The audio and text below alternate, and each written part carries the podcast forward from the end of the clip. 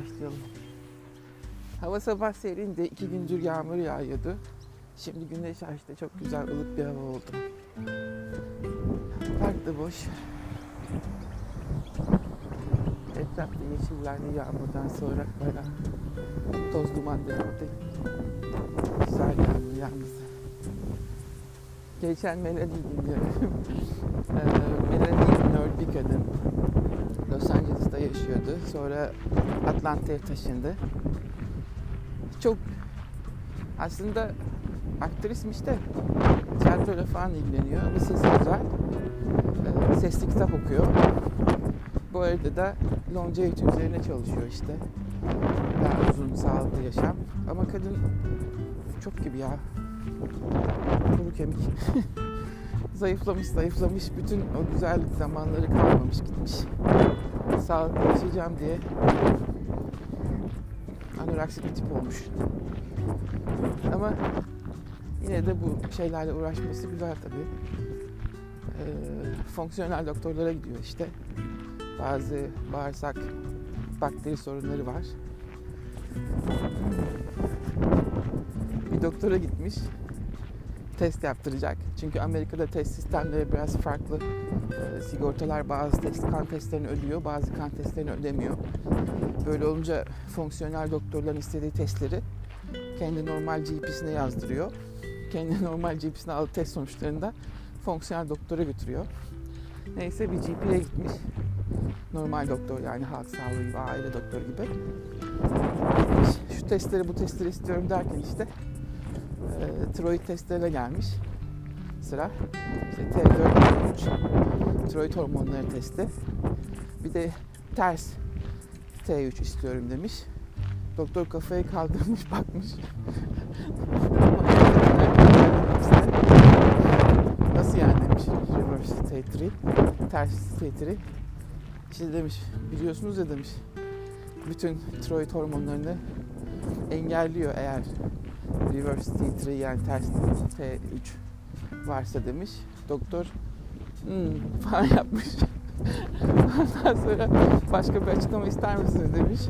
Hayır demiş istemem demiş doktor ne istiyorsun başka test onları söyle demiş. Yazık bu doktorlar ya. Şimdi tartışmaya da girmiyorlar hastayla. Belli ki bilmiyor konuyu çünkü.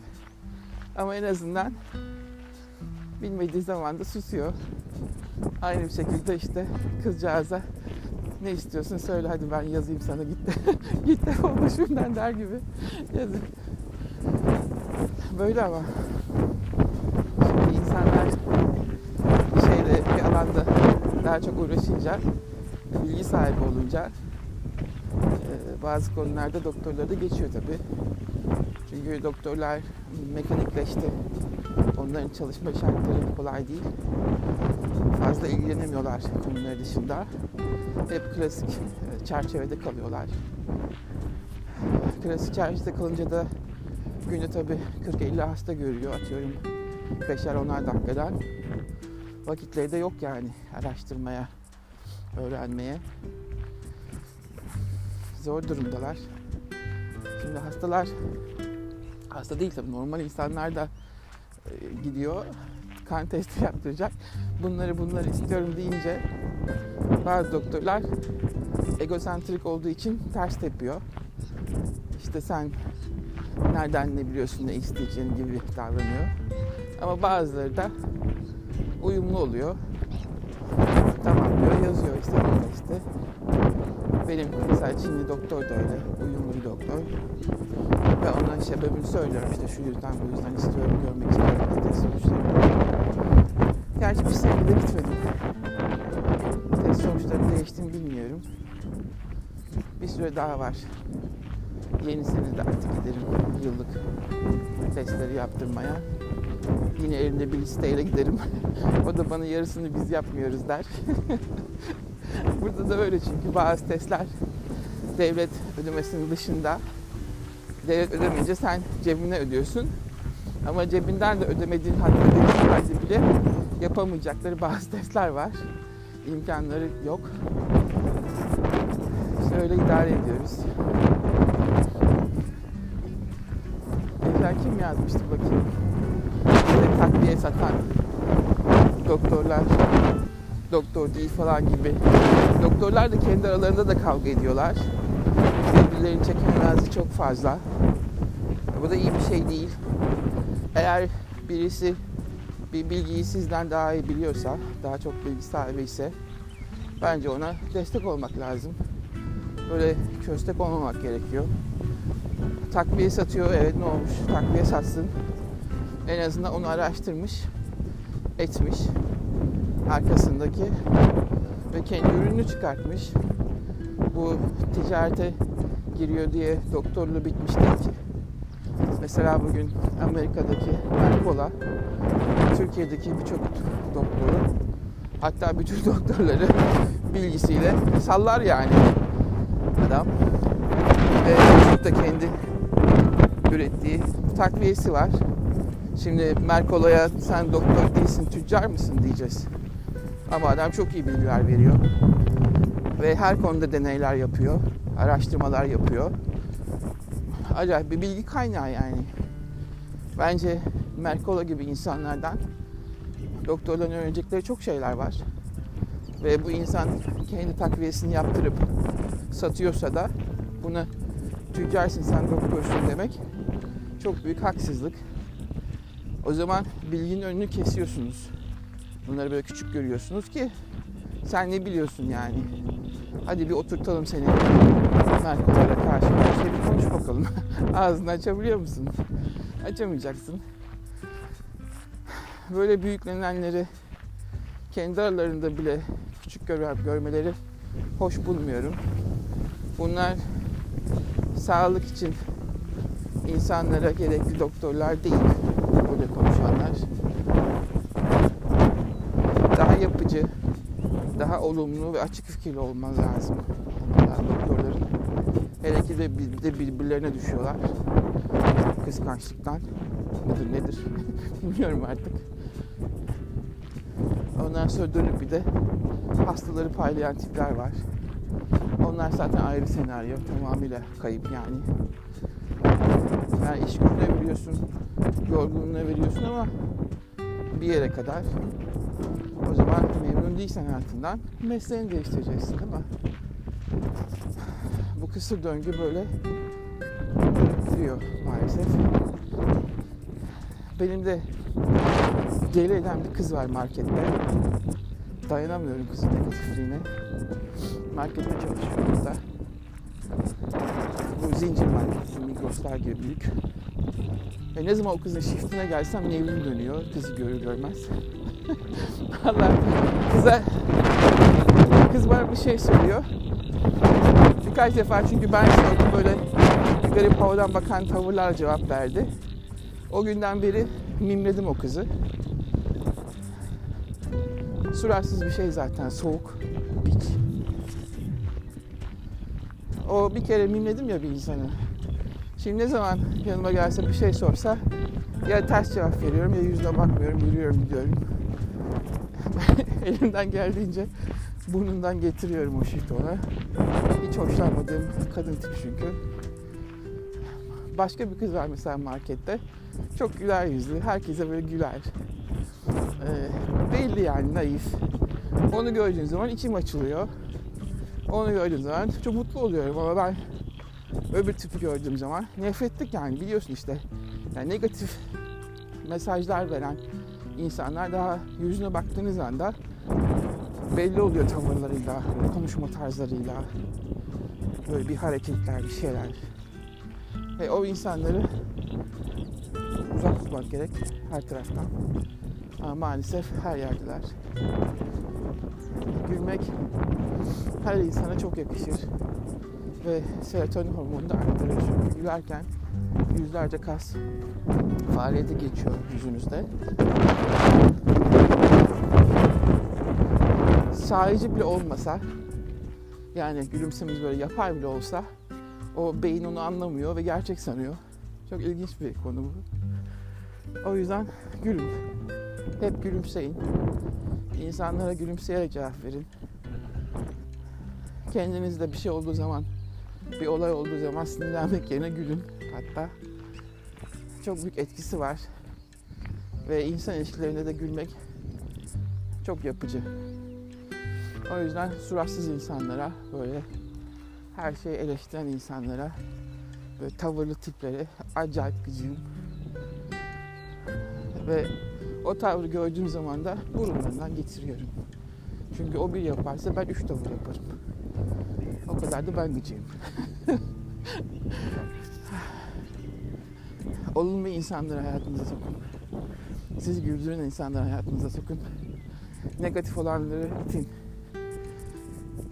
Ağlayan, ha biraz sızlanan, ha bire kötülükten konuşan insanlardan uzak durun diyeceğim de tabii malum Türkiye.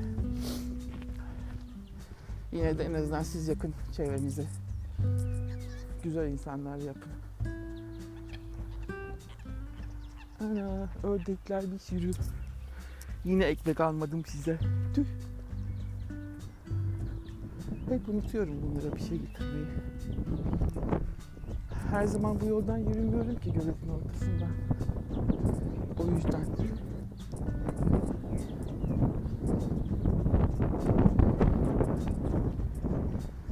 Ay. Kuş sesleri geliyor bize.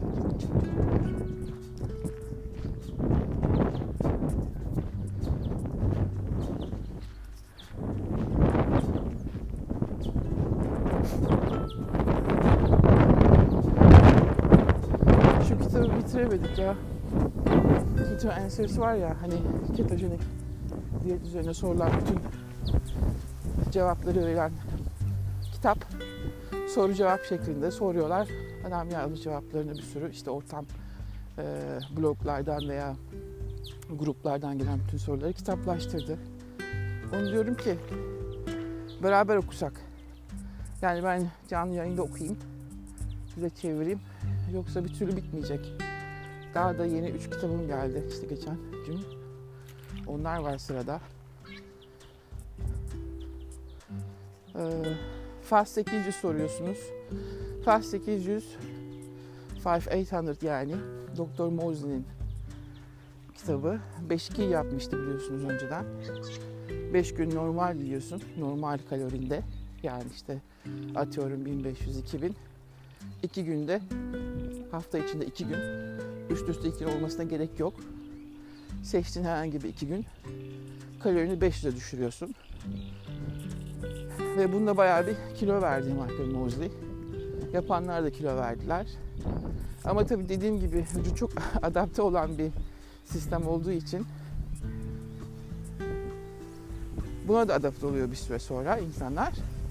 3 ay sonra mesela 5-2 de işe yaramaya başlıyor.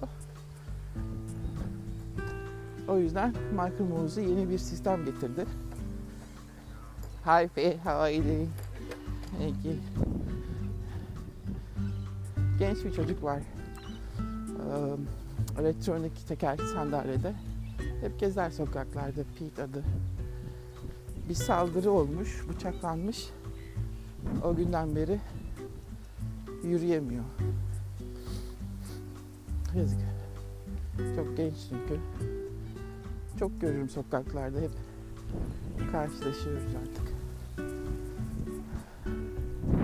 Güzel bir de köpeği. Onunla beraber gezer şimdi parkta geziyor. Geziyor işte tekerlek sandalyeyle. Hava alıyor. Başka yapacak nesi var ki? Böyle insanları görünce de biz nelerden konuşuyoruz, neleri üzülüyoruz falan gibi garip bir duruma giriyorsun ama her insana yardımcı olamıyorsun.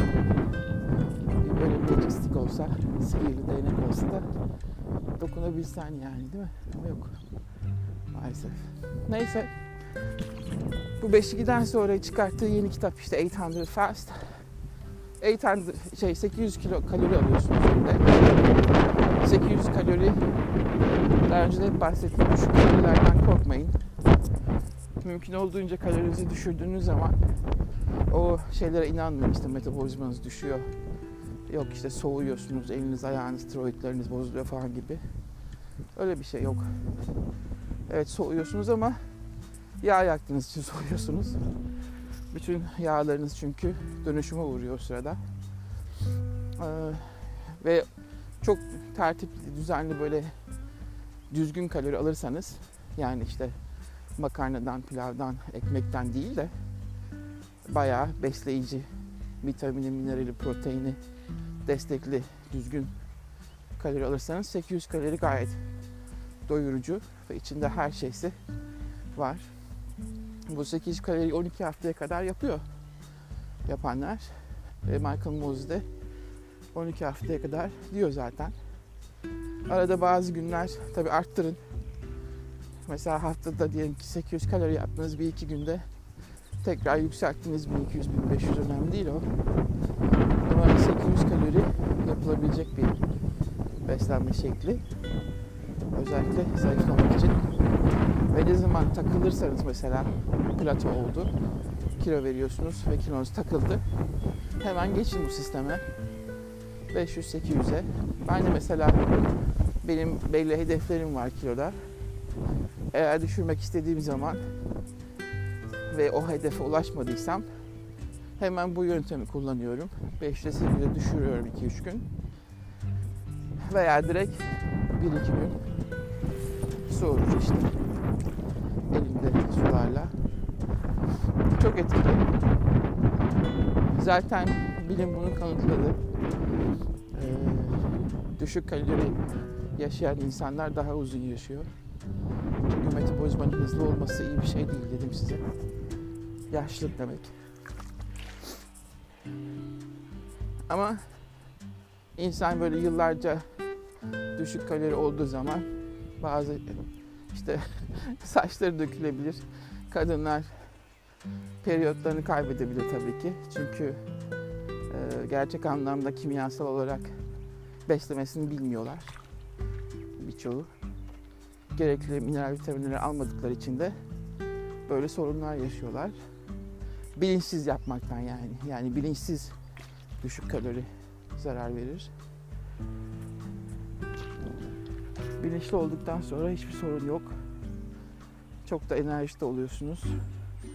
Vücutta eksik olan bütün enerjisini, kalorisini yani vücut yağlarından alıyor. Zaten herkesin bol bol yağı var. Fazla ekstra yağı. O yüzden korkmayın 800 kaloriden. Ama tabii vücut yağınız %10'larda, %12'lerde fazla da yapmayın yani. Öyle zayıf insanlar için geçerli bir şey değil. Benim konuştuğum kilo verenler için. Herkesin fazla fazla depo yağı var. O yağı kullanın. O yağı kullanmak için de mecbursunuz düşük kalori yapmaya. Ama bilinçli düşük kalori. Gidince mesela bu yayın altına Michael Moses'in kitabından e, birkaç resim paylaşacağım. Kendi öğünlerini yazmış. Üç öğün var, bazen iki öğün var. Ama yeterli, gayet doyurucu. İçinde ton balığı bile var. Kutu ton balığı hem de. Ee, hani bizde Türkiye'de hemen aa ton balığında civa var işte ton balığı yenmez diye böyle bir garip anlayış var ya. Doktor Moz'da bile yok o anlayış. Siz o kafayı düzeltin. Dedim size. İyot ve selen, selenyum eksikliği, zinc, çinko eksikliği tavan. Balık yemiyorsanız hele bir de civa var diye böyle ton balığı falan da yemiyorsanız durumunuz harap. İnanmayın böyle şeylere. Bir civanın vücutta böyle heavy metal ağırlık olarak toksite seviyesine gelebilmesi için sizin o ton balığından tonlarca yemeniz lazım. Öyle bir günde olmaz o iş. Bir ayda da olmaz o iş. Üç ayda da altı ayda da.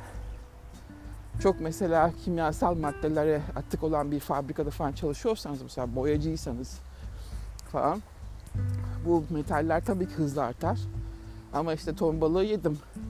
İşte öğlen yedim. Akşam yedim.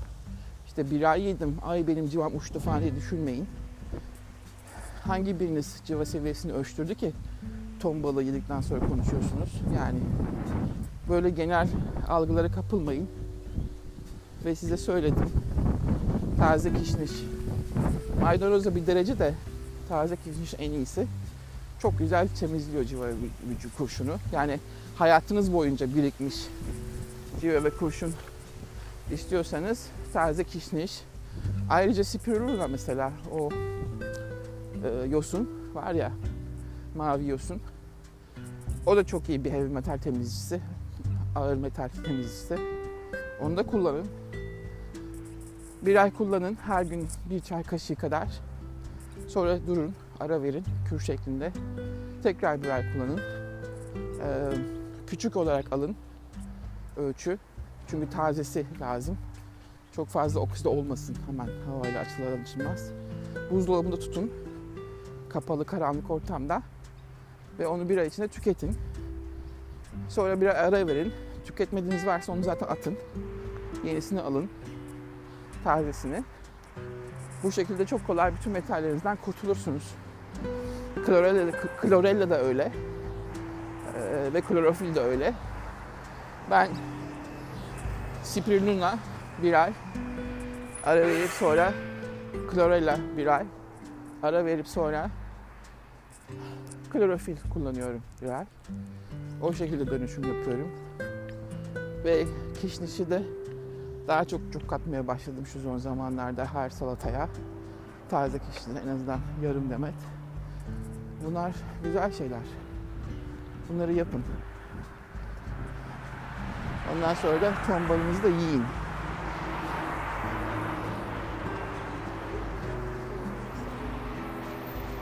Çünkü ekmek artık aslanın ağzından midesine indi. İnsanlar yiyebilecek şeyleri çok kısıtlı.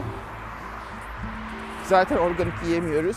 Bir de böyle aptal aptal besinleri işte yok civa var, yok işte sen tenekede yiyorsun içinde BPA var, zehirlenmiş var bilmem ne falan gibi takılmayın olur mu? Beslenmenizi eksik etmeyin. Zaten bir şey yediniz yok. Düzgün. Ayrıca Michael Mosley'in kitabında adam mesela biz kuru fasulye kendimiz yapar haşlarız ya. E tabi İngilizlerin mutfağında kuru fasulye kutudan yenir yani. Bean John toast dediğiniz şey İngilizlerin kahvaltısı. Adamlar kuru fasulye yiyorlar kahvaltıda bile ekmeğin üzerinde. Ve çok da sağlıklı. Ama hepsi kutu kuru fasulye tüketiyor. Yani hiçbir İngiliz'in ben evinde görmedim. Kuru fasulyeyi haşlayıp da fasulye gibi yediklerini. Hayatları kutu. E, Doktor Mosley bile kitabında kuru kanelini diye bir minik fasulye cinsi var beyaz. Çok sağlıklı. İşte onu yiyor ve kutuda yiyor yani. Teneke kutuda. Kalkıp da sizin gibi ağlamıyor adam. İşte teneke kutu kimyasal falan diye. Önemli olduğunuz aldığınız besin. O, o, o gıdadaki besin değeri. Yok işte metallerle korkutup da toksikologlara ben zaten boksikolog diyorum. Bu kafaya girdiğiniz zaman hiçbir besin alamazsınız. Çünkü bu kafa aynı veganlarda olduğu gibi anoraksik bir kafa. Her yediğiniz şeyde toksik var sonuçta. Mesela size bir daha vereyim. Kahve var ya içtiğiniz o kahve. O kahvenin termelerini e, biriktirin evde. Çiçeklerinize ve bahçenize koyun. Böcek gelmez biliyor musunuz? Yani kahve o kokusu ve kafein birçok ilaçtan daha etkili e, zararlı böceklere karşı. Ve aynı etkiyi aslında insan vücuduna da yapıyor. Bağırsakları düz diyor. Demiştim size kahve. Bayağı bozuyor çünkü bağırsak florasını. Ve birçok bitkinin de kendi koruyucu toksitesi var içinde. Ve biz insanlar tabii milyonlarca yıldır bitki tüketiyoruz. Bir şekilde bu toksite seviyesine alıştık. Yani evrildik aslında. Kahveye henüz alışmadık. Çünkü kahve çok yeni e, insan türünün gıdasında. O yüzden ona evrilmedik. Ama birçok bitkiye evrildik. Şimdiki çağın sorunu da o alıştığımız bitki toksitlerin üzerine tarım ilaçları döküyorlar ya. İşte o, o ilaçlara evrilmeye çalışıyoruz. Ama evrim hızlı gitmiyor. O nedenle o kimyasallardan ölüyoruz. İşte Yani sorun bitkide değil. Sorun onun spreylendiği o tarım ilaçlarında. Ama bakmayın tabii şimdi bitkilere karşı olan bir grup da var karnivorlar gibi. Onlar da tamamıyla insane, kafayı yedi. Bütün bitkiler böyle zehirdir diye falan bakıyorlar. Yok cevap burada değil. Mümkün değil yani. Çünkü bitkilerin de biz birçok şey temizlediğini biliyoruz vücutta. Ya koskoca bir Çin tıbbı bitkiler üzerine. Ve tıbbın bugün kendi yaptığı ilaçlar da hepsi bitkiler üzerine. Ama yediğiniz miktar önemli. Ve kalkıp da kilolarda yemiyorsunuz. Her şeyin fazlalığı yani zehrin bile fazlası kilolarca zehirli. Ama belli oranda aldığınız sürece vücut temizleyebiliyor. Zaten temizleyemediği zaman da artık yaşlanmış oluyorsunuz ve ölüyorsunuz. Olay budur. Az yiyin, öz yiyin. Zaten önceki yayınlarımda da konuştum size bu konuda. Az yiyin, öz yiyin. Bilin ama içinde ne olduğunu.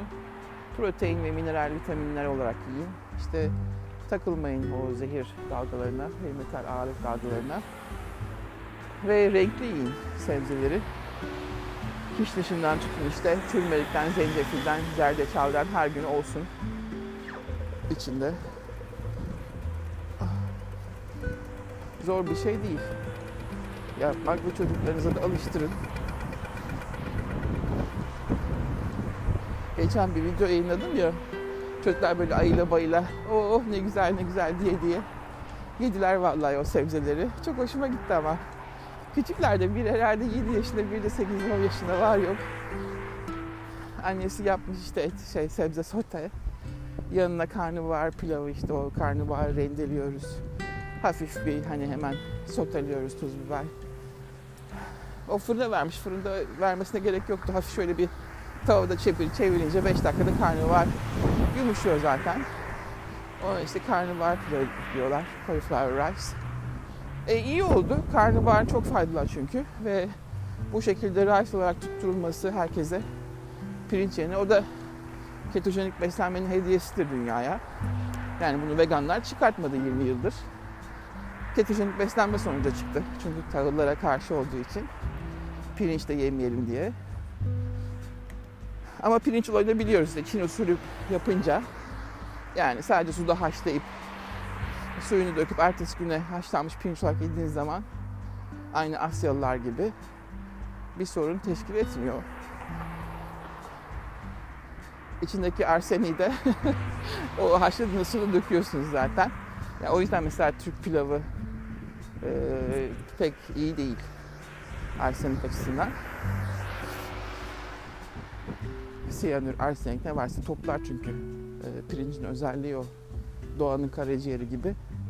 Ne kadar zehirli madde varsa toplar üzerinde. E, haşlayıp suyunu dökünce ondan da bir süre bir şekilde kurtulmuş oluyorsunuz. Bayağı bir oranda. Ve şekerinizi de yükseltmiyor ertesi güne kalınca. Çünkü soğuyunca dirençli nişasta oluyor. Bunun denemesini yaptım işte eşime yedirdim. Öncesi ve sonrası kan şekerini ölçtüm. Hiçbir şey yok. 4, 4 derece mi 5 derece mi ne arttı. O hiçbir şey değil yani o. O bakımdan sushi yiyebilirsiniz. Sushi zaten soğuk pirinçten hazırlanır. İçinde sirke de vardır onun bozulmasın diye. Sushi yiyin. Zeytinyağlı dolma yiyebilirsiniz. Zaten soğumuş, dirençli nişasta olmuş. Bunlarda sorun yok. Zeytinyağlılarda kimdi ya bir keresinde geçen sene miydi? Zeytinyağlı yaptım da pırasayla içine pirinç koydum. Aa içinde pirinç var sen nasıl ketosun falan demişlerdi bana. İşte böyle komik komik ya bir şey bilmeyince komik komik tepkiler veriyor insanlar. Ee, haberleri yok çünkü. Ve ilk ketolar da bunu bilmiyordu zaten. Bu yine Michael Mosley'nin sayesinde ortaya çıktı. Hala da ketoların bir kısmı bilmez. Büyük bir kısmı dirençli nişasta olayını. Michael Mosley kendi deney yaptı. Soğutulmuş makarnadan ve böyle soğutulmuş pirinçten etkilemediğini kanıtladı. Ve soğutulmuş patates. Hatta pirinçle makarnayı tekrar ısıtınca yine etkilemiyor. Ama patatesi ısıtınca tekrar etkiliyor mesela. Patates tekrar kırılıyor o nişastaları. Molekülleri ısıtınca tekrardan şeker etkiler hale geliyor. Yani patatesi hep soğuk yemek zorundasınız. Ee, ama pirinç ve makarnayı soğutup bekletip ertesi gün ısıtabilirsiniz. Onda sorun yok. Bunu da ketler bilmez. Ama tabii her günde bayram yapmayın yani işte. Makarna yiyeceğim, pirinç yiyeceğim diye. Sonuçta pek fazla bir getirisi yok yani şey olarak. Mineral vitamin olarak. Onun yerine kırmızı mercimeği tercih ederim veya işte yeşil mercimek, kuru fasulyeyi kat kat besin değerleri yüksek bunların. Ya niye pirinç yiyeyim ki ben? E tamam yedim işte zeytinyağı içinde bir kaşık veya iki üç dolma yeter bana. İşte bunları artı eksi değerlerine bakıp beslenmenizi o şekilde eklemeniz lazım. Yoksa bu free ride değil yani. Özgür işte makarna. Çünkü boş alıyorsunuz. Yani boş besin alıyorsunuz. Yok içinde bir şey yok. Besin değeri yok. Biraz ben yiyorsam bağırsaklarını besleyeyim diye yiyorum o bakterileri arttırmaya çalışıyorum çünkü son zamanlarda. Şey aldım. Probiyotik Raid suyu aldım. Ee, bu zayıflatan bakteri diyorlar ya onu deniyorum şimdi. Bilmiyorum çoğalıyorlar mı çoğalmıyorlar mı. Keşke öyle bir test olsa makine girip böyle bakterilerime bakabilecek hemen çoğalıp çoğalmadıklarını. İşte onu beslemek için de kuru fasulye mercimeği arttırdım bu aralar. Görüyorsunuz zaten kahvaltılarda bir kaşık ekliyorum. Ayrıca şey içiyorum. Yupla mı diyorsunuz? Yupla mı diyorsunuz? O yoğurt var ya probiyotik minik. Yogurt. Neydi onun adı? Şey, neyse işte. Türkiye'de Seher Hanım dedi bana galiba değil mi? Biz içine katkı maddesi katıyorlar diye. Hayır katmıyorlar. Yople. Ha. Katmıyorlar. Onun bakterinin zaten tadı o şekilde. Çünkü bu tanınmış bir marka ve bunun deneyleri çok yapıldı bu marka üzerine. Yani Türkiye'dekiler de katmıyorlar. O ağzınıza gelen o şekerli tat de, demeyin ki sanki işte bunda bakteri yok diye. Onda bakteri var. Soğukta tutacaksınız ama dolapta. Dışarıda değil. İşte ondan da içiyorum arada.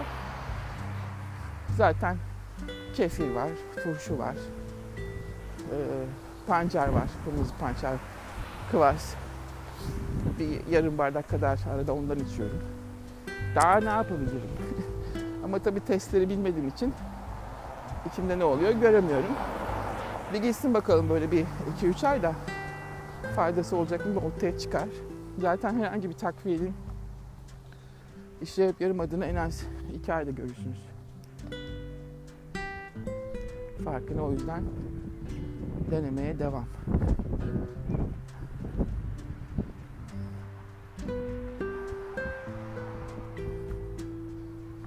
Bu arada keto dünyası Amerika'da kırılıyor. Ne çok ürün çıkmış. 4 sene önce piyasa bomboştu. Hiçbir şey yoktu. Şimdi Amerika'da bir önde olduğu için ketoda uy, o egzojenik ketonlar var ya işte e, dışarıdan suya katıp aldığınız BHS haltlar, keton tuzları yani. Onlarla böyle yıkılıyor ortalık. 20 çeşit, 30 çeşit farklı firma. Dışarıdan keto almanın bir faydası ilk başta ketoya başlayanlar için iyi de alıştırmak için vücudu. Sonra bir anlamı yok çünkü zaten kendi yağınızda yapıyorsunuz yani ketonları. MCT'den de yapıyorsunuz. MCT ucuz. Yani Türkiye'de ucuz değil de MCT yağı burada ucuz. Ondan da alıyorsunuz bir kaşık bir günde. Bol bol keton yaparsınız yani isteyince sorun değil artık. Fakat şey algısı çok komik. Ee, keton olmayınca vücut yağ yakmıyor algısı hala devam ediyor yalnız. Çok komik o. Baya 100 yıl oldu değil mi? 100 yıldır kadınlar rejim yapıyor ve herkes de düşürünce kalorileri gayet güzel yağ yakıyor. Ve ondan sonra da kimse işte o zamanlar keton çıkart çıkartmadıklarını ölçmedi. Büyük ihtimal çıkartmıyorlar çünkü patates yiyip de zayıflayan da var biliyorsunuz. Yani keto olmayınca yağ yakılmaz kavramı doğru değil. Herkes bir diyeti adam akıllı ez, takip ederse zayıflar. E tabi spor eşliğinde yaparsa bunu zayıflar. Ama her kimse tabi bir diyeti düzgün devam ettirmeyip habire vagondan düştüğü için, bozduğu için, hep kaçamak yaptığı için ve sporda böyle salladığı için ondan sonra bu diyet bana yaramadı, bu diyet bana yaramadı diye çıktı ortaya. Hayır değil, her diyet işe yarar. Önemli olan takip etmek ama 3 ay mesela. 6 ay bozmayacaksın. Ya. Ondan sonra Yusuf Yusuf. Sen bozuyorsun, gizli gizli yiyorsun. Spor dönem vermiyorsun. Sonra bu diyet işe yaramadı diyorsun. Yok öyle işte. Kandırmacılar dolu. Metabolizma zayıflar şey işte çöpe gitti. Size anlattım kalori olaylarını. Hepsi bağırsaktaki o florinize bağlı. Bir insan daha fazla kalori alıyor yediğinden. Bir insan hiç kalori almıyor. Öyle olunca metabolizma olayı da çöpe. Kalori olayı da çöpe. Böyle böyle neyse. İnsanlığın önü açıldı da artık dünya kalmadı. İnsan kalmadı. Zor. Kolay gelsin arkadaşlar. Bir tane şey var. Biohacker var. Dave Asprey. ee, 20 kaç yaşında? 23 yaşında mı ne? Arada 15 yaşındayken arthritis yani bu işte eklem romatizması teşhisi konmuş adama. Sonra 23'lü yaşlarında falan bütün geçirebileceği hastalık var. Yani doktora demişken sen şu anda 70-80 bir yaşındaki bir adam kadar sağlıklısın. Bütün fonksiyonların bozuluyor, dökülüyor. Ve o adam tabii kilolu o zamanlarda 23 yaşında. Malum her şeyi yiyor, içiyor. Bir grup buluyor. Bu bahsettiği 1980'lerde.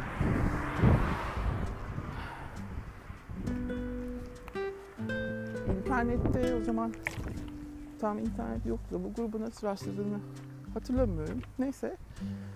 Bu grup başlıyor. Kendilerine şey koymuşlar işte uzun yaşayanlar grubu. Bu nedir ki falan diyor işte. Gidiyor toplantı herkes 60 70 80 yaşında. Allah Allah diyor. Dünyası şaşıyor çocuğun. Siz diyor ne yapıyorsunuz işte? Biz işte uzun yaşamın sırrını bulduk. İşte böyle egzersizle, yiyeceklerle kendimize de bir grup kurduk. Burada bilgilerimizi paylaşıyoruz. Şurada diyor ki ben zaten dökülüyorum aslında sizin yaşınızdayım. Ben de sizin grubunuza gireyim. Ki, aklınca da diyor ki şimdi diyor bunlar yaşlı ben gencim. Ben şimdiden öğrenirsem çok daha faydalı olurum. E, haklı tabii doğru yani. O yaşta öğrenmeye başlayınca. Başta araştırmaları onlarla. Ve sonra bu grubun adını e, tabii işte o sırada Steve Jobs'lar Silikon Vadisi, internet falan yerleşince San Francisco'ya orada Silikon Vadisi Longevity diye kuruyorlar. Değiştiriyorlar.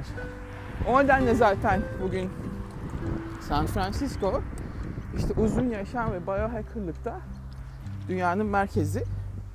Bu insanlar durmadan ama yani aklınız hayalinize gelmeyecek deneyler yapıyorlar. Uzun ve sağlıklı yaşam üzerine. Ve Asprey de bunların başlarından biri. Ve iddia ediyor adam 180 yaşına kadar yaşayacağım diye. Şimdi sanırım 50 yaşlarında falan. Ve iddia çok iddialı. Ben 180'e çıkartacağım. Niye? Hayır yani görmek isterim tabii de. Şimdi ben de o yaşa yaşamak kadar zorunda kalmak zorundayım. Ee, nasıl göreceğim bilmiyorum. Göremem ben de. Çok çok çok iddialı ama. Yönetmen öyle konuşuyor. Dün de hatta bu gruptan bir tanesinin işte kitabını aldım ya David Sinclair'in. David Sinclair de öyle. Kitabın başına şey yazmış. İşte sevgili babaanneme bana özgürlüğü öğrettiği için. İşte sevgili anneme önden verip bana baktığı için. işte sevgili e, hayat arkadaşım eşime benimle ortak olduğu için. Ve altına da şey yazmış. Ve sevgili büyük büyük torunlarım. Sizinle tanışacağım günü hevesle bekliyorum diye. Düşünebiliyor musunuz? Yani bir anlamda aslında beyninizi olumlu şekilde her gün etkilerseniz bunun plasebo etkisi çok fazla. Yani nasıl diyeyim size? Hastayım demeyin. İyiyim, iyiyim, iyiyim dediğiniz zaman vücut hastalığı daha kolay yeniyor. Beyin gücüyle. Yani bu, bu da kanıtlanan bir olay. Bir araştırma var. Ee, bu alerjik çocuklar var ya işte çok fazla alerjileri. Olan çocukların bir grubu IV alerjisi var. Hmm, zehirli sarmaşık. Ee, çocukları kollarına mesela sol tarafta zehirli sarmaşık yaprak koyuyorlar ama diyorlar ki bu normal bir yaprak, zehirli değil. Sağ taraflarına da zehirli olmayan bir yaprak koyuyorlar. Buna diyorlar ki bu da zehirli sarmaşık. Bu zehirli. Sol taraflarında hiçbir alerjik şey oluşmuyor. Yani sol koluna konan çocuklarda zehirli yaprak koysalar bile o grupta hiçbir alerjik tepki oluşmuyor. Çok ilginç değil mi? Ama sağ kollarına konan çocuklar e, zehirsiz olan yapraktan bile bu zehirli sarmaşıktır dendiği için alerji oluşuyor. Yani tamamıyla beynin alter ettiği bir düşünce şekli aslında alerjide. Yani bir şeyi çok korkutursanız kendinizde o sizde oluşuyor. Biyolojik olarak. Beyin yapıyor bunu. İşte bu biyohakirler de aslında oradan da destek alıyorlar. Böyle hep olumlu ve kendilerini inandırarak konuştukları için kendi güvenleri böyle bir etkileri de var kendi vücutları üzerinde. Çok ilginç. Yani David Sinclair'in yazdığı mesaj akşam akşam okurken kitabı güldürdü hakikaten. Büyük büyük torunlarımız da sizinle tanışacağım günü hevesle bekliyorum diye. Çok güzel. En azından buna inanması, kendini o yönde ilerletmesi de çok güzel bir şey. O nedenle zaten her gün kendinize olumlu olun. Negatif şeyleri uzaklaştırın insanları dediğim ondan ve kendinize olumlu şeyler söylemeniz de önemli. İşte hastayım hastayım demeyeceksiniz. Mesela Melanie denemiş. Bu kan testlerini yaptırırken o normalde kan alınırken bayılırmış. Korkuyor yani. Daha etkileniyor. Ve bu olumlu çalışmaları yaptığı sürece de demiş ki bu sefer şey deneyeceğim. Kan alınırken hep şey tekrarlamış. Ee, vücudundan zehirli atık temizleniyor şu anda diye. O moda giriyor. Ve kan alınırken hiç etkilenmiyor. Üstüne üstlük etkilenmediği gibi mutlu da oluyor. Yani beynini değiştirdiği için ne baygınlık hissi, ne kötü bir his, ne bulantı ve üstüne mutlu oluyor. Hatta kan alım biter bitince üzülmüş bile bitti diye bir şekilde. Çünkü beyin e, zehirli atığın temizlendiğini düşünüyor ya orada. Olumlu bir şey olduğunu hissettirip ona bunun iyi bir şey olduğunu söylüyor. Bu da ilginç. Yani hiçbir şey kötü şeye de e, kötülemeyin beyninizde. Güzel bir yaklaşım var. Ve bu biohackerlar gece gündüz çalışıyorlar. O yaptıkları şeyleri bir görseniz var ya ben zaten yarısını da anlamıyorum da. hani ki yani bu kadar yakından takip ettiğim halde ben bile anlamıyorum da kafayı yersiniz. O yüzden işte bu takviyelere karşıyım diyen doktorları görünce onların hepsini alıp bu biohackerların ortasına böyle gömmek istiyorum, bırakmak istiyorum çünkü dünyanın nereye geldiğini farkında değiller. Dave Asprey de dedi yani zamanında dedi ben kütüphanelere gider bilgi toplardım ve kendi dosyalarımı oluştururdum ve hocalarım çok beğenirlerdi. Şimdi önümde her şey var, internet var ve çok daha hızlı yapıyorum araştırmalarını ve laboratuvarlar var artık testler ve koşuyor adamlar yani nereden baksanız şu anda bu işte ileri geri konuşan doktorlardan 50 sene ilerideler. Takip etmiyorsunuz. Yani dünyayı takip etmediğiniz için bunlarda haberiniz yok. Paranız olduğu halde de doktorlara söylüyorum. Gidip bu insanlara mesela konferanslarına gitmiyorsunuz. Yani bunlara böyle işte diyorlar ya bu snake oil taciri ne o? Ee, yılan yağı satanlar. İşte bunlar tüccar. İşte bunlar neki falan böyle bir bir, bir aşağı kompleksi var herhalde. Aşağılıyorlar bu insanları. Ama çok çok büyük bu insanlar korkunç yerlerdiler. Yani tıpkı Steve Jobs'u diyelim ki bir gün aşağılayan insanları düşünün. İşte sen e, bulamazsın ki bilgisayarı sen ya da işte yapamazsın ki bu programı ya da iPhone'u sen yapamazsın ki diyen insanları düşünün. Şimdi bu durumdalar doktorların %90'ı. Aşağıladıkları için de küçümsedikleri için de bu deneylerden, bu sonuçlardan uzak kalıyorlar. Hatta bir tanesi dedi ki bu kavramı anlatmak için. Yani bu tip doktorlar mesela uçaktan paraşütle atlasalar dedi. Dönerken sorarlar dedi işte random trial yapıl, yapılmış mı paraşüt açılıp açılmayacağını ben ne bileyim. İşte random trial dediği güçlü deneyler yani e, seçmece deneyler e, seçmece işte gözü bağlı işte double blind dedikleri e, çok şeyli gruplardan oluşan çok gözet, gözetlenen, denetlenen grupların yapıldığı özel deneyler. İşte bu random trial yapılmış bir paraşüt açılıp açılmayacağını ben ne bileyim diye sorarlar dedi. Ama bu arada o kadar çok deney kaçırırlar, o kadar çok gözlem ve araştırma kaçırırlar ki dedi bunu sorarken. Çünkü bu tip deneylerin yapılması en az 20 yılı alacak. Değil mi? Bir grubu inceleyecekseniz ise eğer gerçekten insan yaşamında en az 20 yıl alacak ve bunu beklerken o kadar çok gözlem deneyleri ve araştırma deneyleri var ki yapılan çok daha hızlı gidiyor mesela işte biohackerlar. Çünkü adamlar kendilerini deneniyor. Bir tanesi e, Tim Ferriss sanırım. Yani Tim Ferriss'in adam kendine laboratuvar kurdu evinde. Artık bütün kan testlerini kendisi yapıyor. Yani kaç milyon dolar, bir milyon dolar yakın herhalde para. Belki daha fazla parasını, kazandığı para hepsini laboratuvara verdi. Çünkü önce işte ufak testlerle başlıyor. Sonra bunları yapmaya, bunları alayım, şunu da alayım, bunu da alayım, bunu da alayım derken Adam kendi bir laboratuvar kurdu ve artık kendi testini kendi yapıyor. Yani bu biohackerlar o seviyeye geldiler. Ve böyle küçümseyen böyle bir garip işte %90 doktor da maalesef yerlerde sürünüyor. Hiç haberleri yok bu insanlardan. Bu insanlar neler yapıyor? Bunların kitapları var. Bu insanlar e, sonuçlarını açıklıyorlar her tarafta, anlatıyorlar konferanslarda falan.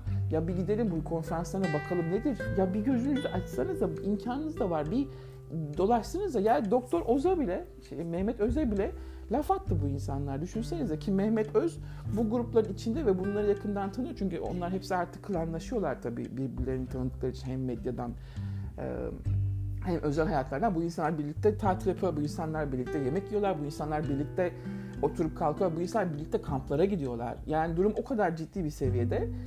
Ve mesela Mehmet Özü bile işte bu tüccar, bu bilmem ne falan diye aşağılayan bir grup var. Hem Amerika'da hem Türkiye'de de var. Ki Mehmet Öz biohacker değil. Yani e, kendi şeyini kıramadı o e, ne diyeyim e, şeyinde bilgisinde. Biohackerlar daha çok genç gruplar. Daha gençler böyle işte şu anda 35-50 yaş grubu arasında. Mehmet Öz tabi onlara geç kaldı doktor olarak. Ama bunun mesela biohackerların içinde Merkola var o grubun içinde. Ve bu 35-50 yaş grubu, insan grubu şu anda korkunç derecede hızlı. Hatta bir tanesini ben size ailesini gösterdim. E, ailesiyle işte dedim ya size şeye gidiyorlar. Kamplara gidiyorlar ve 13 yaşında işte ikizler şu anda 13 yaşında. O ikizleri öyle bir yetiştiriyor ki adam e, ikizler doğada kendine bakabilecek durumdalar. Yani doğadaki bütün plantları, bitkileri ve hayvanları tanıyorlar. 10 yaşındalar ve onlardan nasıl besleneceklerini biliyorlar. Kendi yakaladıkları av hayvanlarını kendileri kesip ayıklayıp yiyorlar, pişiriyorlar 10 yaşında. Ya tamamıyla bir mağara insanı gibi onları eğitmiş ve hangi gıdanın ne olduğunu söylüyor, hangi bitkinin ne olduğunu anlatıyor. 13 yaşına geldiği zaman ikizler büyüme sınavından geçecekler. Büyüme sınavında da işte dağın bir tarafına birini bırakacak, bir tarafına birini bırakacak. Çünkü ikizlerin bile bir gün birisi ölürse tek başlarına ayakta kalabilmelerini sağlamaya çalışıyor adam. E, bu biohacker ve onu bile düşünebiliyor yani olur da birisi bir gün ölürse öbürü nasıl yalnız kalacak diye. Çünkü ikizler hep beraber olduğu için ondan da e, memnun değil. Yani onların tek ayakları üstünde ve tek başlarına bir sütun olmasını istiyor. Ve beni onlara bırakabileceğim en büyük legacy yani en büyük miras diyor ki e, her şey öğretmek, benim bilgimi onlara aktarmak en ufakken, çocukken ve işte 13 yaşına geldiklerinde birini dağın bir tarafında, birini bir dağın bir tarafında bırakacak. Bir hafta boyunca o ikizler tek başlarına hayatta kalacaklar o dağda. Yani böyle insanlardan bahsediyoruz biz. Düşünebiliyor musunuz onların aile yapısını? Ve mesela bu, bu ikizlerin evinde işte televizyon diye bir şey var ama hiç oynamıyor çünkü baba kitap okuyor. Anne kitap okuyor. İşte bunlar akşamları video oyunları bilmiyor mesela ikizler. Satranç biliyorlar babayla satranç oynuyorlar. Baba müzik yaptığı için baba onlara böyle işte gitar çalıyor. O gitar e, çalmasını öğretiyor. Bütün sporları yapıyor bu ikizler. Çünkü baba zaten Iron Man. yani kendisi bütün spor dallarında işte deklatlonda, triatlonda falan çalışan bir insan. Bodybuilding'i aşmış zaten. Onun da ilerisinde Iron Man olarak demir adam yarışlarına falan katılıyor. Bütün sporları şimdiden yapıyor bunlar. Yani ve beslenmeleri de aynı bu şekilde. Supplementları var. Kendi çocuk takviyeleri var. Ve baba mesela glutathione alıyorsa gidip bağırıyormuş evde. Ben de işte o şu anda glutathione saatim geldi diyormuş. Çocuklar da koşuyor. Kendi işte takviyelerini alıyorlar o dolaptan. Böyle aileler var ve bu çocuklarını okula yollamıyor bu adam. Çünkü çok yanlış bilgiler öğretiyorlar çocuklar e, öğreniyor okulda diye. Kendisi eğitiyor. Amerika'da o sistem var biliyorsunuz evde e, eğitim imkanı. Kendisi eğitiyor ve her şeyi kendisi öğretiyor. Tabii ki sınavlara falan girecekler diyor. Hani onların o şansını elinden almak istemem. Ya bir gün derler ki istiyor bir işte üniversite okuyacaktık. E, senin yüzünden sınavlara girmedik de üniversite okun bana demesinler diye. Onları sınavları da hazırlıyorum diyor adam. Ama üniversiteye girmelerine gerek kalmayacak. Ben şimdiden görüyorum o çocukların geleceğini çünkü. Nasıl mesela Bill çok parası vardı, çok zengindi bilmem neydi ama adam üniversiteyi salladı gitti. Fakat çok kitap okuduğu için bugün e, yüzlerce üniversite bitiren insandan çok daha bilgilidir mesela Bill. Hani Bill Gates'i insan olarak sevmem ben ama e, böyle bir de geçmişi var onun. İşte bu insanlar da böyle. Çocuklarını kendileri eğitiyorlar. Çünkü o o seviyeyi çoktan aşmışlar. Yani öğretmenleri aştılar. Bunlar doktorları aştılar. Birçok bilim adamlarını aştılar.